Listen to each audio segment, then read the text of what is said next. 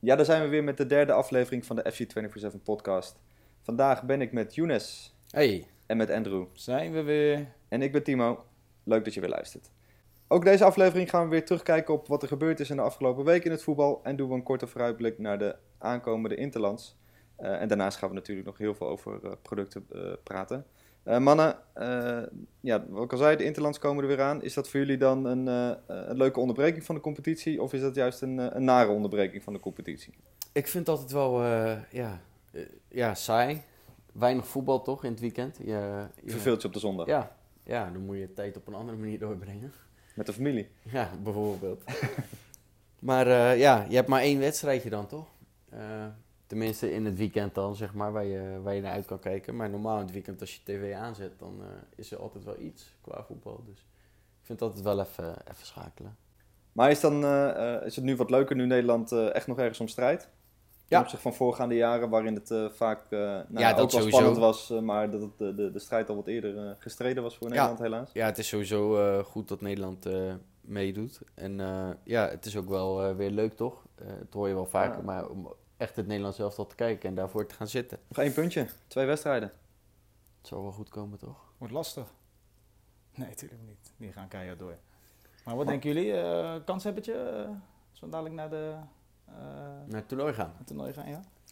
Ja, Kwartfinale, halve finale. ja Meer niet, eh, En dan zie je het wel, ja, je moet echt groeien in zo'n toernooi, toch? Ja. Ja, het klinkt cliché, maar... eh, ja. Nou, op zich met de spelers die je nu hebben, zou je de poolfase wel door moeten komen.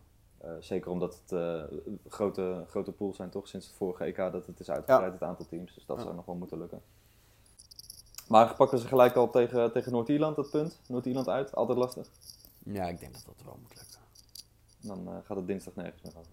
Nee, dat zou wel het mooiste zijn, toch? Kan hij ook wat spelers sparen. En ja, anderen misschien de kans geven. Ja, Stenks en Boadu zitten er nu bij. Misschien dat die jongens dan de debuut kunnen maken. En eh, ja, wat ook wel eh, leuk is, is denk ik eh, nu met de lancering vandaag, de officiële lancering van, van de nieuwe Adidas EK-collectie, dat, dat de Adidas-landen ook in het nieuwe tenue zullen spelen, denk ik. Ja, Adidas heeft, heeft aardig uitgepakt, hè? Ja. België, Spanje, Duitsland, Rusland, Zweden. Ja. En nog een aantal, nou, iets kleinere landen. Ja. Wat eh, is voor jullie de, het hoogtepunt uit de, uit de collectie? Een, Ja, land of, een, of een stijl? Duitsland is wel... Ik denk dat Top, Duitsland en Spanje sowieso wel de grootste landen zijn eh, in het portfolio van Adidas. En, en België dan. Eh, maar ik, ik vind inderdaad, eh, wat Andrew zegt, Duitsland wel heel mooi. En Spanje ook wel. Maar ja, Wat is er zo mooi in Duitsland? ja, eh, Kleurencombinatie, ja. Ja. Met het grijs, antraciet en het... en- to- toch gewoon basispak. Maar dan met die accenten, dat, eh, dat lichtroze en dat wit op de, eh, in, de, in de strepen, zeg maar. Dat eh, ja, vind ik wel leuk gedaan. Ja, die strepen zijn dit jaar wat anders, hè? Of Ja. tenminste dit jaar, dit, deze, deze ronde. Deze collectie, ja. Je hebt, eh, er is gekozen voor de, voor links een kleur en rechts een kleur, zeg maar. Eh, dus links, de linker streep hebben een bepaalde kleur en de rechterkant van de streep hebben ook een bepaalde kleur. Dus je, ze werken met twee, eh, twee verschillende kleuren op de producten. En op zich, eh, ja, bij de, ik, ik vind zelf bij het, ene, bij, de ene, bij het ene product pakt het net wat beter uit dan bij het andere product. Maar bij Duitsland vind ik het wel, wel heel sterk. Ja, en, en weer nieuw, hè. Dat ze die strepen niet hebben door laten lopen over de schouder naar eh, onderkant arm. Maar dat hij alleen van de elleboog nog tot, tot de arm loopt. Ja. Tot de hand loopt. eh, en het middenstuk weg. Dus als je je armen over elkaar hebt, zullen ze waarschijnlijk wel foto's schieten. Dan ziet dat er ook wel heel tof uit. Hey, En de, de shirts zelf, eh, alleen de thuisshirts zijn eh, gelanceerd. Ja, Eh, Ja. Daar een favoriet bij? Maar ja, de, ja ik We, vind hebben, we hebben het- ze hier, we hebben ze hier eh, voor ons op tafel Ja. liggen, dus we zijn ook eh, tegelijkertijd eh, eh, aan het kijken. Het, ik vind het Duitse shirt, eh, ook wederom het Duitse shirt, vind ik, eh, vind ik ook Klassiek. wel klassiek inderdaad. Ja. Nou ja, die collectie is natuurlijk gebaseerd nu op, eh, eh, op kunst eh, meets voetbal. Dus hebben in plaats van allemaal strepen op de computer te zetten, hebben ze dat, ja, zo lijkt het dan, met de hand gedaan. Dus je ziet ja, een soort van mooie schetsen. En ook de, de strepen op het Duitse shirt zijn dan ja, een soort van met de hand gezet. Ja. Wel mooi. En dan onderaan bij de arm hebben ze de Duitse vlag eigenlijk heel mooi in verwerkt, vind ik. Dat hebben ze inderdaad wel heel mooi gedaan. Ja. Maar voor de rest is het, vind ik hem eh, vrij eh, basis. Oké. En is dit dan wel een reden voor jullie om, eh, om ook naar die landen te kijken, naar die interlands? Of kijken jullie daar sowieso naar? Of, of kijk je gewoon alleen Nederland? En, ja, de, de- ik vind de eerste wedstrijden altijd wel tof om te zien eh, hoe dat dan op tv eruit ziet. Hè? Die outfits, eh, eh, of het mooi kleurt. Wat we laatst natuurlijk ook met Juventus hadden. Met Palace. Vond ik ook gewoon tof, wilde ik gewoon zien. Dus hè, dan, kijk, dan kijk ik die wedstrijd ook omdat ik hè, hoorde dat ze dit zouden lanceren. Nou ja, maar normaal gesproken sla je die interlands van de andere landen eigenlijk over. Nou, samenvatting. als ik thuis ben, dan... eh, Samenvatting. Maar jij bent nooit thuis, sowieso, ja. Ik ben bijna nooit thuis, nee. Hey, en gaat eh, Koeman wel eh, Nederland kunnen coachen op het EK? Of eh, eh, zal hij het misschien toch eerder naar Barcelona trekken? Want de Valverde die staat toch nog steeds een beetje onder druk. Nou, ik, ik denk niet, ja, je weet het niet, maar ik denk niet dat je een EK laat schieten om tussentijds eh, in een seizoen. Eh, Barcelona. Ik Ja, is wel- zeggen, ja. het is wel een, eh, Dus daarom zeg ik, ik, ik weet ook niet, maar nee, ja, als ze hem echt heel graag willen, dan wachten ze ook wel tot, eh, tot de zomerstop, toch? Ja, voorlopig zit Valverde er nog. Eh, Ja. De geruchten worden wel steeds sterker. Nu heeft Messi hem zaterdag aardig gered. Eh, ze gingen er aardig makkelijk in, de, de vrije ballen. Hij, eh, hij laat het aardig- altijd eh, erg makkelijk lijken.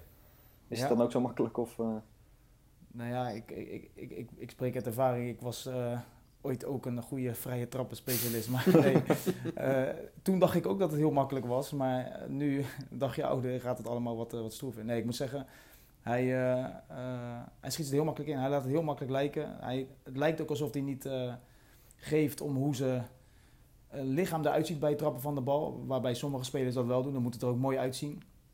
Hij doet het met een huppeltje. Het maakt hem allemaal niet uit. En... eh, en ik zag ook de statistieken voorbij komen dat hij nu ook Ronaldo bijna aan het inhalen is. Wat betreft vrije trappen. Ronaldo heeft er in zijn carrière 53 gemaakt. En Messi nu met de afgelopen wedstrijd erbij 52. Dus, eh, en vooral als je kijkt naar de laatste jaren zie je dat Messi hem zwaar aan het inhalen is. Althans, richting het inhalen. Eh, dus die zal dit, dit jaar waarschijnlijk nog de, de overheen gaan over die 53. Want Ronaldo lijkt ze niet meer echt erin te schieten, de, de vrije trappen. Laatst werd er natuurlijk nog eentje ingetikt voor de lijn. Eh, maar die, die kwam dus niet op zijn naam. Eh, Nee, in de Champions League was dat. Ja. Dus, Hey, eh, en ehm, eh, Zidane, die eh, stond is het ook een beetje op het punt om ontslagen te worden, toch? Eh, maar die heeft de afgelopen week best een goede zaken gedaan. 6-0 winst op, op Ja, maar op Galatasaray. zich, ze hebben evenveel punten als Barcelona, toch? Ja, Het is niet dat, ja, nou, ik vind het toch wel apart dat ze hoe eh, slecht gaat eigenlijk het? allebei een slecht seizoen hebben. Maar Ja. toch, het is toch weer Real Madrid, Barcelona, Atletico Madrid, de top Ja. 3. wat bovenaan staat. Ja, dat zal altijd ook wel zo blijven, denk ik. Want ja, die hebben wel het meeste geld, toch? Dus ja. Maar ja, ik, ik keek pas geleden naar de stand. Of, of ja, gisteren was dat volgens mij. Maar ja, zoveel. eh, ja, zo slecht doen ze het nou ook weer niet.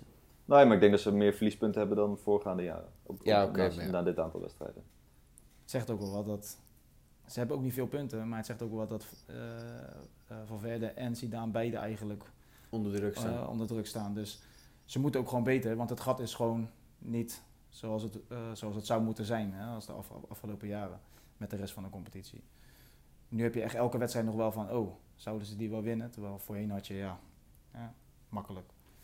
Nou, het enige land waar het nog niet echt duidelijk is, is eh, Duitsland. Waar Bayern München en Dortmund eh, niet bovenaan aan de competitie staan. Ehm Kovac is daar eh, inmiddels ontslagen. Zijn, eh, zijn opvolger deed gelijk goed met een eh, overwinning, ruime overwinning op Dortmund afgelopen weekend. Ehm, ja, Ten Hag gaat nog steeds, zijn naam gaat nog steeds daar, doet, de ronde daar. Wat, wat denken jullie daarover?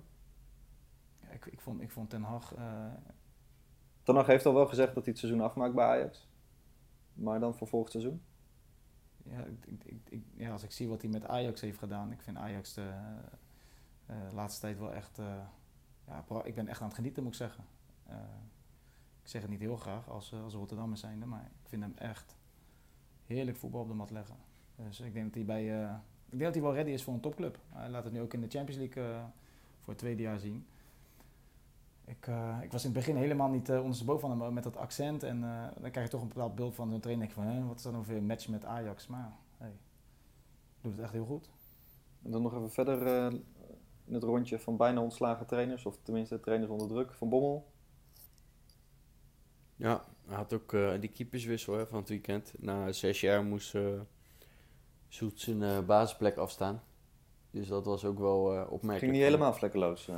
Nee, eh, volgens mij was de communicatie niet zo gegaan zoals het moest. Maar ja, uiteindelijk bleek hij volgens mij zelfs derde keeper te zijn tijdens de wedstrijd tegen Willem II. Maar eh, ja, PSV is niet zo'n club die maar even de trainer ontslaat. nee, dat denk ik ook niet. Maar ja, Zeker een clubicoon. maar dan ook zomaar je keeper, ja, vind ik dan ook weer niet zo bij hun passen, zeg maar. Weet je wel, ja. Want volgens mij is hij wel opgeroepen voor het Nederlands elftal. Dan eh, de laatste twee eh, even kort wilde laten passeren. Emery bij Arsenal en Solskjaer bij United. Het lijkt weer geen best seizoen te worden voor beide clubs. Nee, ja, ik denk dat United gewoon structureel, ja, dat niet zozeer aan de trainer ligt. Maar ja, dat ligt het ook niet altijd bij een ontslag. Maar dat zij gewoon ook echt kwaliteit missen. Gewoon, ja, die selectie moet, moet gewoon ja, beter.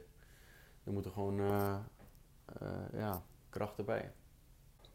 Maar ook bij Manchester United is het eh, weer een clubicoon dat ze misschien eh, nou, niet zo heel snel afscheid eh, Dat, dat hij wat meer credits heeft. Ja, dat zou wel kunnen. Iets wat eh, bij eh, Emery bij Arsenal eh, nog, nog niet heeft eh, opgebouwd. eh. Ja, of ja, het aanstellen van hem was sowieso natuurlijk wel eh, een soort van, eh, ja, had, hadden wel veel mensen er twijfels over, omdat hij nog niet echt wat bewezen had. Maar het was denk ik wel een eh, goedkope manier om eh, de dure Mourinho was het toch, weg te krijgen. Bij United. Ja. Ja. Eh, dat had natuurlijk veel geld gekost en dit was, ja, een relatief een goedkope oplossing denk ik voor hun. Ja. En dan zou er nu weer een grote trainer moeten komen, of tenminste een gevestigde naam eh, in het trainerlandschap. Maar ja, wie weet ik niet. Maar wat ik zeg, ik, ik denk dat, gewoon, eh, ja, dat ze gewoon in Nou, die staan selectie eigenlijk alleen, investeren. Overigens zijn eigenlijk alleen Wenger en Mourinho een beetje bovenaan de lijstjes. En Ten dan af en toe. ja. Maar ja, ook- word je daar dan tevreden ze zijn, van als, ze als zijn natuurlijk wel eh, Lukaku ook kwijtgeraakt. En er is niet echt een spits voor teruggekomen. Ze doen het vooral veel met jeugd nu, volgens mij ook wel. Ja. Eh, ja, dus eh, ja, er zal wel wat kwaliteit moeten, denk ik, bij. Nou ja, als je nu trainer bent van een iets lager clubje dat het goed doet, dan kan je aardig de hoofdprijs wagen. Om bij United aan de slag te gaan. Nou ja, eh, bij elke club Waar eh, waar nu eh, de trainer onder druk Ja. staat. Dus het zijn er nog wel. eh, het zijn er nog wel Ja. Dan gaat de carousel weer eh, rollen. ja, ja, het is altijd een beetje rond deze periode Ja. van, het, van het jaar. Hè. Stam was de aanleiding. Wie redt het wel, wie redt het niet? Ja, precies. Maar is dat misschien een teken dat de, de top zich steeds minder kan eh, onderscheiden van de rest? Dat de rest ook gewoon beter wordt? Of lopen we te- ten einde van een generatie voetballers, zeg maar, die een beetje oud worden en niet meer kunnen brengen wat ze konden brengen? Nou, bedoel je bij United? Bij alle topclubs. Nou ja, bij eh, Bayern was sowieso natuurlijk al de discussie dat ze iets te laat Iets te zijn laat aan gaan. het verjongen. Ja. Eh, ja, ze hebben nu afscheid genomen van Robert Ribéry, maar eh, Boateng loopt er nog en dat soort gasten. En dat ze daar iets te lang mee hebben gewacht. En dat je nu in één keer dan, ja, zo goed als je halve selectie dan eh, moet vervangen.